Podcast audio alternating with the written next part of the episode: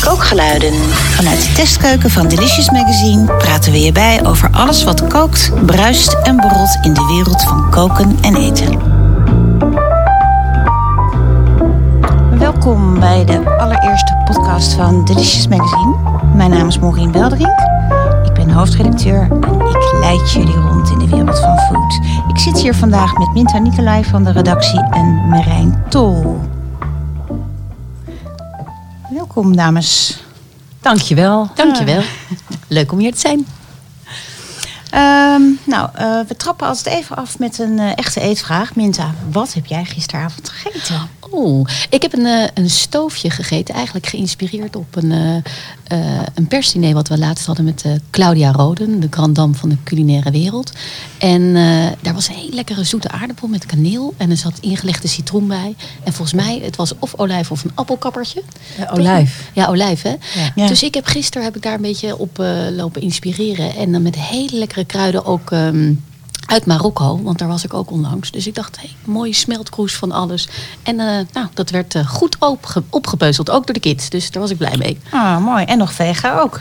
En nog vega ook, ja. Proberen we toch altijd nog een beetje eh, wat meer vegetarisch te eten, ja. Ah, heel mooi. En jij Marijn, wat, was, eh, wat schafte de pot gisteren? Nou, ik had nog hele lekkere pasta uit eh, Griekenland, uit, van Kreta. Mhm. Een soort malfatti-achtige, dus een beetje een soort van platte vierkantjes.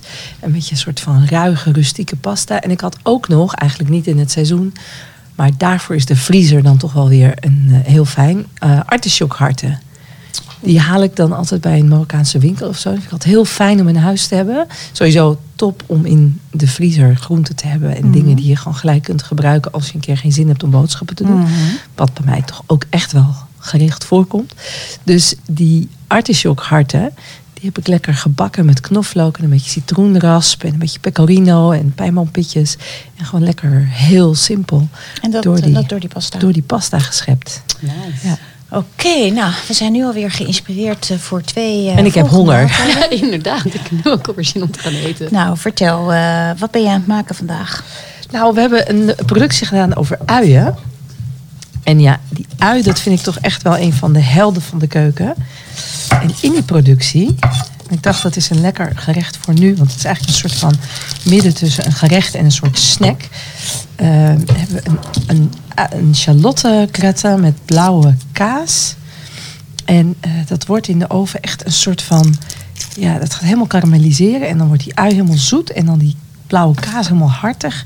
En dat is een geweldige manier om te laten zien hoe veelzijdig die ui wel niet is. Ja, want eigenlijk is die wel een beetje ondergewaardeerd. Hè? We denken, ja, eigenlijk doe je het gedachteloos gewoon in je gerecht. Ik heb altijd een zak met uien liggen, dat is een soort basisding. Daar begin je mee, maar het is, het is eigenlijk nooit de hoofdmoot. Tenminste, Nee, nee. vrijwel nooit. Nee, maar je denkt wel. het altijd als basis, maar nu dus wel, ja. En Ja. we vonden eigenlijk dat het eh, wel wat meer eh, ja, belicht moest worden. Ja, eigenlijk is geen, geen soep of saus is eh, compleet met een heleboel uien. Het is ook heel vaak zo, we merken ook als bijvoorbeeld iets heel erg lekker is, een soep of een saus, dan zeggen mensen, ja, maar hoe komt het dan dat het bij jou zo enorm lekker is? En dat is toch die enorme hoeveelheid uien die erin gaan. En ook geraspte uien, dus ook altijd heel fijn met soep. Dan gaat die smaak er nog meer doorheen. En lang op laag vuur met olie of, eh, of boter laten stoven, zodat al die complexiteit eruit komt. Mhm. En dan vaak ook een beetje zoet wordt, hè? En zoet. Ja, zoet Want dat is het complex. hele, het hele karamelliseren eh, verhaal. Ja, en ik vind het ook heel leuk om de ui echt te zien als groente. Ja, Dus dat als hebben in de hoofdrol. Ja, Ja, dat, want dat is in het gerecht wat je, nu, eh, wat je nu gaat maken. Want is dat dan je hoofdgerecht of is het meer een bijgerecht? Ja, dat vind, ik vind heel vaak gerechten zijn gewoon gerechten. Die kun je eten wanneer je wil. Dit, ja, het is met is blauwe kaas. dan. Ja, en Geen met- hokjes denken. Nee, geen hokjes denken. Oh, ook, niet, eh, ook niet met eten. Vooral niet met eten Nee. trouwens. Maar ja, het is een snack. Het is een lekker lunchgerecht. eh, het is een lekker voorgerecht. Het is een lekker bijgerecht. Het, het hangt er natuurlijk ook helemaal vanaf gewoon hoe groot je die portie maakt. Kijk, als je het wat kleiner hebt, dan is het een perfect voorgerechtje. Of als, Ja. hè? En als je het groter doet, met misschien wat sla erbij, uh, dan heb je een perfect hoofdgerecht. Ja. Gewoon een niet lekkere chunk uh, zuurdesembrood erbij, wat Mm. zoute boter. En dan daarmee die uien met die Hou blauwe op. kaas en die oregano zo een beetje opdippen. Nou, that's it. Hey, ik heb het laatst gemaakt. Want het heeft natuurlijk al lang in, eh, of al lang, het stond deze maand in Delicious. Eh, dus ik heb hem even gemaakt. En? En eh, nou, ik heb het wel dan een beetje op mijn manier gedaan. Maar dat moet dan. Zo hoort het ook. Want ik dat las het recept en toen dacht ik, oh, dat, dat heb ik niet. En dat, dat heb ik ook niet. Dus ik doe het even op mijn eigen manier. Uien had je niet? Ja, ik had ze wel, maar geen 750 gram. Oh ja. Oké. Nou, dat maakt niet uit. Maar het waren, het waren wel Charlotte, dus ik had wel de juiste ui. Ja. Maar eh, die eh, eh, eh, XP Sherry, die had ik niet.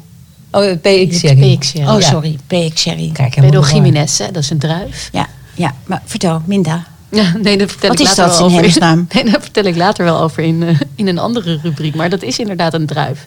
En eh, die geeft onder andere ook een hele mooie eh, sherry. En die is heel, heel zoetig. Ja. Heel, of tenminste, ja, dat is een hele mooie Maar stroper. het is inderdaad waar. Ik bedoel, dan gebruik je een andere zoetige Ja. wijn of een liqueur. Of port zelfs. Een, ja, port, Nou ja, perfect. Ja. Dacht ik wel. Het was ook heel erg lekker. Ik zou zeggen, het eindresultaat vond ik bijna eh, eh, als een vleesvervanger. Ja. Want het is heel erg hard. Het werd- werd bij mij tenminste heel erg hartig. Ja, Eh, behoorlijk zout. Door die blauwe kaas ook. Ja, door die, eh, die had ik overigens weggelaten. Want die had ik Oh. natuurlijk ook niet. Want jij schrijft een kaas voor uit de Pyreneeën. Ja, zeg. Nou, Nou ja, en elke blauwe kaas ja. die kan nou natuurlijk. net... Precies, maar die had ik ook niet. Taleggio was ook lekker geweest. Dus nee, maar ik heb wel altijd standaard eh geitenkaas in huis. Ik dacht, doe ik dat wel. Maar uiteindelijk heb ik hem eerst geproefd zonder die kaas. Ik dacht, nee, hij is eigenlijk wel oké zo. Ik, hij hoeft niet nog... eh, hij heeft het niet meer nodig. Ja. Nou, maar dat is eigenlijk ook hoe koken zou moeten zijn. Dat je kijkt naar wat je hebt. Zo kookte men vroeger natuurlijk ook. Toen volgde men geen recepten. Maar zo zijn heel veel recepten ook ontstaan. Door te koken met wat je hebt. Ja. Dus het is een perfecte manier om niet per se altijd naar de winkel te rennen. Maar te kijken van, hé, hey, hoe kan ik een recept aanpassen naar wat ik heb in de keuken. En naar waar ik Precies. zin in heb. Ja, Ja. naar je eigen smaak ook eh, vooral. Ja. Maar waar ik nog wel heel erg benieuwd naar was, want het is uiteindelijk dus een, een gratin. Hè? Dus het hele zaakje gaat in een ovenschaal. En, en daarna de oven in. Maar voordat je dat doet, haal je dus al die rokken van die uien los. En eh, smeer je dat helemaal met je handen in. Ja. Met dat botermengsel. Ja. Dus je smeert alle kruiden en, en smaakmakers door die boter. En dan smeer je al die rokken in met dat botermengsel. Vond ik best wel... Nou, het is niet echt een klusje waar je nou op zit te wachten. Als je een hele dag gewerkt hebt. Maar ik dacht ook, waarom Eh, eigenlijk? Je kan het toch ook gewoon in de, oven, in de oven gooien. Die boter die smelt namelijk in no time. En dan hussel je het een paar keer, zit het er ook doorheen.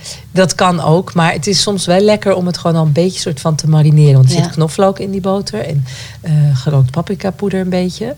Eh, maar weet je, dat is ook weer met dat soort dingen. Als jij denkt van, nou, ik heb geen zin om met mijn handen daarin te gaan, kun je dat inderdaad ook zo doen.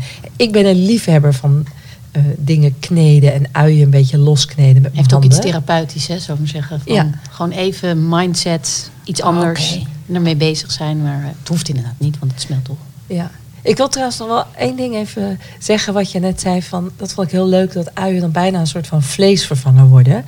En dat is denk ik waar de, de rol van de ui nu, in deze nieuwe wereld waarin we vaker zonder vlees willen eten, een geweldig eh, ja, nieuw doel in zijn leven heeft. Want die ui kan inderdaad een vleesvervanger zijn. Mooi.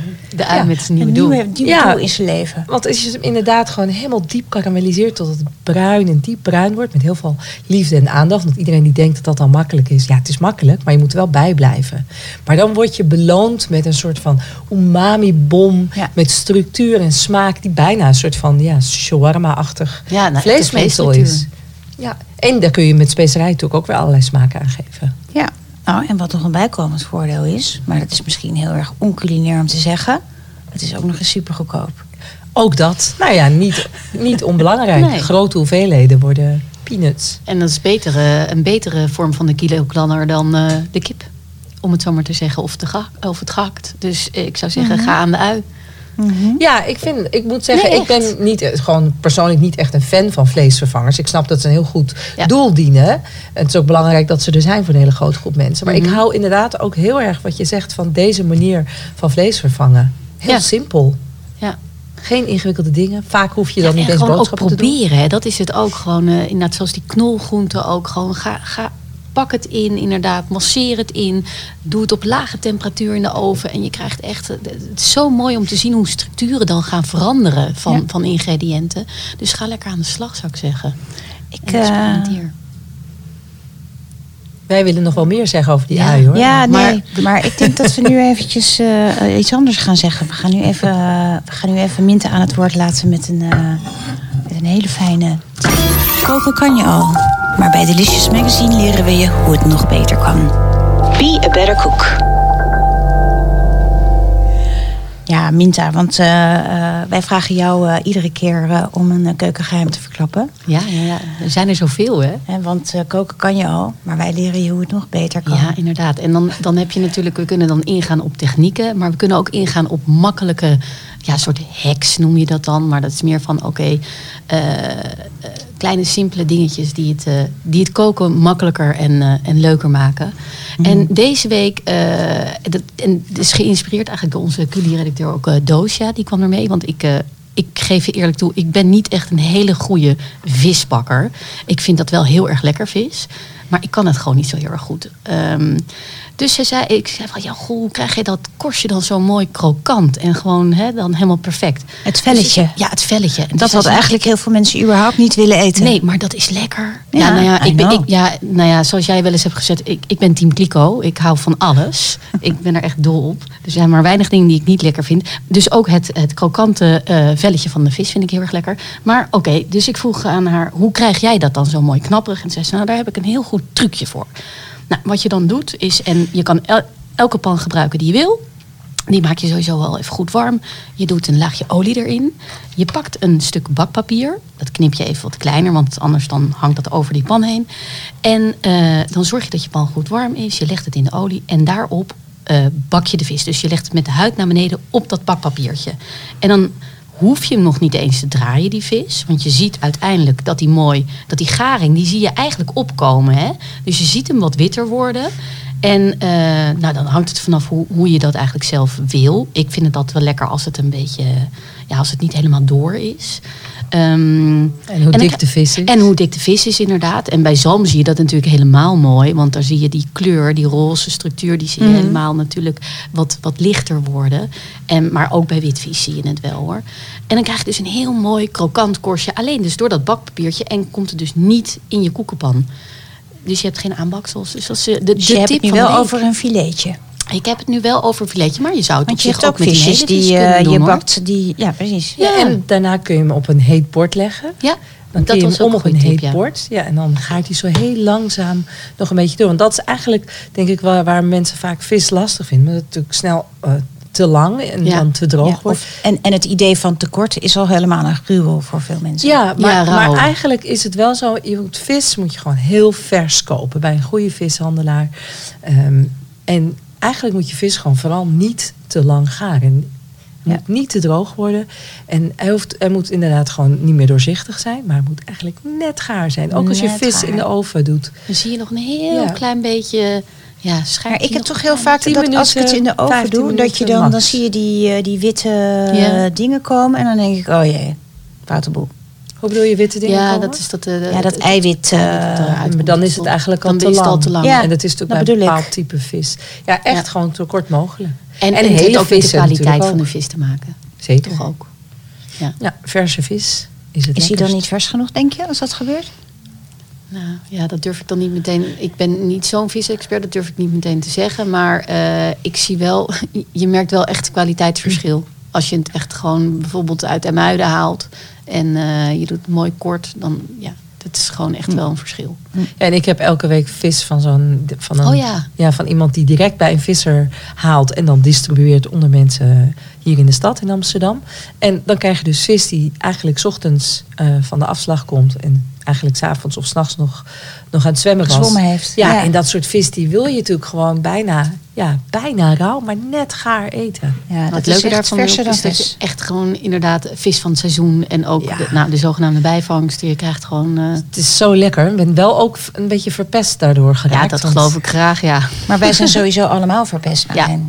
Dat is waar. Ik bedoel, neem nou zoiets eenvoudigs als een ui. Ja, maar dat is eigenlijk ook weer het leuke aan eten. hè. Dat iedereen die zelf gaat proeven en dingen eh, gaat ontdekken, dan is het heel moeilijk om terug te gaan naar Ja. ja, eten wat niet echt met liefde is gemaakt. En het, weet je, het grappige ook is, mensen denken altijd van, nou ja, dan kom je natuurlijk alleen maar in dure restaurants en dat vind je alleen maar lekker en leuk. En het stom is dat ik merk dat ik steeds meer juist naar de basis terug ga. Dat het gaat om de producten, dat ze, dat het, dat, en, en simpel. Het moet gewoon goede producten, simpele bereidingstechnieken. Ja, en dat vind ik eigenlijk het aller, allerlekkerste dan. En het hoeven echt niet die jelletjes en die moesjes en alles. Dat is leuk eh, om te zien wat voor wat combinaties doen, zullen we maar zeggen. En daardoor wordt je creativiteit getriggerd.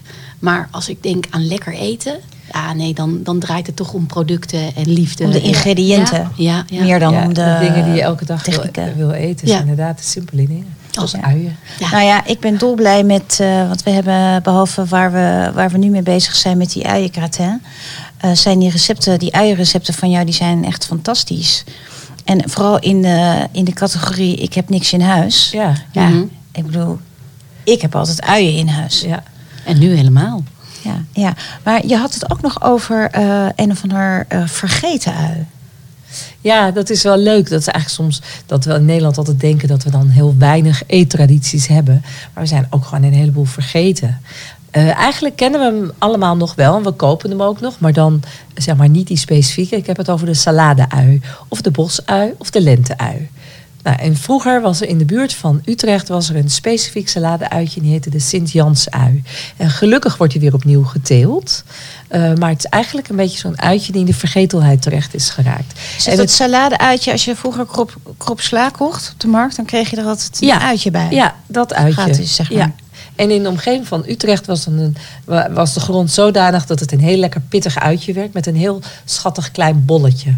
Eh, en soms zie je bij de supermarkt ook nog van die lente-ui liggen met een bolletje eraan. En dat eh, lijkt dus Die op, zijn ook wat net wat groter. Hè? ja, op dat, op dat salade-uitje. Maar er zijn weer een paar eh, plekken waar ze geteeld worden. Maar dat zijn, ze, dat zijn uitjes die je natuurlijk gewoon dan rauw verwerkt. Het is zonde Ja. om daar een gratin mee te maken, Nou, ze zijn ook wel lekker om te grillen op de barbecue Ja. of gewoon het grillen in de oven. Oké. Ja, het is ook wel een uitje wat leuk is om in zijn geheel als groente te eten. En bijvoorbeeld het groen ook niet weg te gooien. Dat is ook zoiets dat Ook mensen. Ja, Ja. gewend zijn om het groen van de lente uit weg te gooien. Terwijl dat is juist iets heel erg lekkers. Nee, dat is Om te roerbakken. Ja, Sowieso het uitje breien weg te gooien. Ja. Hey, en die hele grote uien, die je bij eh, Turkse supermarkten wel eens ziet. Oh, dan moet ik nu denken aan dat ik van de zomer in Italië was. En daar was ik in de supermarkt, kwam ik een enorme ui, ik ben de naam kwijt. Maar er was een ui uit de Piemonte. Dat was echt zo'n mega ui. Maar van, hoe groot is dat dan maar? Want jij Ja, doet ik het ben voor, even maar aan het de- die denken mensen dat die was. luisteren, die weten natuurlijk niet hoe groot het dan is. wat Nee, jij ik zegt. zit te denken, het was misschien een ui van misschien wel anderhalf kilo. Dat is echt... Oh jeetje. Nou, eh, echt een flink soort bijna stuk uienvlees. En zo heb ik hem dus ook behandeld. Dus ik heb een stoof gemaakt met rode wijn en eh rozemarijn, tijm, laurier, knoflook, eh, boter. En daar heb ik die hele ui in gestoofd. En dat werd daarna ook echt een stuk uienvlees. Wat we echt in stukken en in plakken hebben gesneden. Als Oh, je, hebt hem, je hebt hem heel gelaten. Ja, ik heb hem Niet eerst al die gestoofd. rokken ingemasseerd met Nee, boter. nee, ik heb hem niet gemasseerd. Dus dit eigenlijk wat we, wat we ook gedaan hebben met eh, die knolselderij. Dus Ja. hè, je hebt de coq au vin. En, eh, we Dat is een hebben- ui au vin. Ja, een ui au vin. En dan ja, een knol au vin, een ui au vin. Geweldig. Ja. Ja, dus gewoon alles met vin. Maar alles met vin is lekker, hè? Vind ik dan. Hey, Ja, bruggetje. speaking Café Delicious gaat 's morgens om 7 uur open. En hij gaat door tot in de kleine uurtjes. Van koffie tot cocktails. En Minta Nicolai praat je bij over wat je wil drinken. Nou, daar was het bruggetje dan, Minta. Wat gaan Ja, we drinken vandaag? Wat gaan we drinken vandaag? In dat? Nou ja, eigenlijk, eh, de trend is natuurlijk steeds minder alcohol. Ehm, eh, dat zijn dus eigenlijk meer dan de infusions en dat soort dingen. Dus water eh, met, met kruiden en met fruit bijvoorbeeld. Maar ja, als we toch over wijn hebben, want dat vind ik dan toch wel lekker. En we willen toch een tip ook meegeven. heb ik er een ontdekt. En dat, dat is dan eigenlijk wel eentje die je gewoon bij ja, de HEMA koopt. Wauw. Ja, wauw. Ik ga hem toch geven, die tip. Eh, Chardonnay. Iedereen denkt altijd van, oh nee. En ik noemde het vroeger ook altijd een beetje hè, Dolly Parton wijn. Want het is rond en het is is een hele gul. goede omschrijving. Ja, ja, het is rond en het is gul en het is allemaal net te veel, maar toch best wel stiekem heel erg lekker. Eh, Ja, wie en- houdt er niet van? Nee, wie houdt er Dolly niet van? Parton. En als er dan een beetje hout bij zit, eigenlijk het botox, de botox van de wijn, om het zo maar te zeggen. Dan kan het net iets overdreven zijn. Maar anyway, ik heb er dus één gevonden bij de HEMA. En die is heel erg lekker. De Chicken Run. En, Sorry? eh, de Chicken Run. Die wijn heet serieus de Ja, Chicken Run? Ja, ja, ja. ja. En dat is een Chardonnay, eh, maar eh, die heeft niet al te veel hout. Waardoor eigenlijk Chardonnay een soort chameleon. Hè? Dat is het mooie van deze druif. Die groeit overal ter wereld. Een soort backpacker is het. En eh, die kan je eigenlijk ook ehm, elk laagje make-up geven wat je wil. Dus ook op de bodem, de bodem waar die, waar, waar, die, waar die op groeit, dat neemt hij mee. Dus bijvoorbeeld in Chablis, in de Bourgogne in Frankrijk, dit is een hele mineralige bodem. Dus krijg je een hele mooie lichtvoetige witte wijn. Maar ergens anders weer, bijvoorbeeld in het zuiden van datzelfde stukje Frankrijk, daar krijg je een hele romige, ja, volle en lobbige Chardonnay, waarvan je denkt, oh lekker zo, dekentje op de bank, open haartje aan, mm, lekker. Nou ja, en zo heb je dus allemaal gradaties Chardonnay die, eh, ja, die zich perfect aanpassen eigenlijk bij het gerecht wat je wil drinken. En deze is zo leuk omdat hij, hij heeft net dat kleine vetje, wat je toch wel lekker vindt. Het is nu een beetje koud buiten, daar heb je er toch wel zin in. Dan wil je niet dat hele frisse wat je juist in de zomer wel zoekt. Maar het heeft ook weer niet te veel vet, waardoor het dan een beetje saai wordt. Want dat heb je ook, dat je dan een slokje, bij elke slok die je neemt, wil je toch wel weer denken, je wil uitgenodigd worden om nog een slokje te nemen. Nou, dat doet deze wijn dus eigenlijk wel. En hij kan ook bij alles. En dat is het leuke. Dus je kan hem bij groenten, maar je kan hem ook heel erg lekker bij, bij sappig kippetje doen. En eh, ja, het enige waar ik hem niet zo snel bij zou doen is rood Het vlees. is een. Oh nee. Of een, ja, Nou, bij die uiengratin lijkt hij heel lekker. Ik ruik dus trouwens ook. wel heel erg lekker, die. Ja, hè? Dat is ook zo fijn aan uien, hè, die geur. Ja, ja, dat is een beetje dat zoetige. En, als, Ja. en het past dus ook weer heel erg lekker bij die Chardonnay. Lijkt mij. Dus eh, ja, dat is eigenlijk de wijntip van de week. Ah, hartstikke goed. Heel erg bedankt. Ik, ik zeg dat we hem nu maar uit gaan proberen. Ja, en eh, dan schenk ik hem zo even alvast in. Want ik heb hem natuurlijk meegenomen. Dat begrijp je wel. Dat snap ik. Oké jongens, eh, ik denk dat we, er een, eh, dat we richting het einde gaan. We hebben nog één prangende vraag. Wat eten we vanavond? Ja, ik ga heel simpel. Ik kom, eh, ik kom vrij laat thuis. Eh, dus eh, ik, heb, ik heb eigenlijk heel burger. Ik heb voorgekookt. Dus bij mij staat er al een, eh, een lekkere hartige taart uit de hartige taart special van Delicious. eh. Eh, toppie. ja, en die hoef ik alleen nog maar op te warmen. Ja, kan nooit misgaan. En, Nee. en Marijn, wat staat er bij jou op het menu vanavond? Nou, er staat een workshop op het menu met een vriendin die ook eh, workshops en catering en zo doet. Zij heeft het menu een beetje bedacht, weer een beetje samen met eh, Italiaanse en een beetje Libanese invloeden en een Italiaanse shawarma met eh rozemarijn en zelfgemaakt flatbread. Oh, wauw. Dus ja, ik weet nog niet precies wat wij dan, hoe het helemaal verder gaat, maar ik denk dat het lekker wordt. Een workshop met mannen. Oh, wat, dat, wat goed zeg. Ik ga thuis meteen even die eh, tip doorgeven. Is er nog plek? Geen idee eigenlijk. Oké, nou, anders bel ik je wel. Dit was Kookgeluiden. Dames, eh dankjewel voor, eh, voor deze allereerste aflevering van eh, Kookgeluiden. We gaan afsluiten. Eh, dit was een podcast van Delicious Magazine. Kijk voor het recept van Marijn op de site of in de show notes. Tot de volgende keer.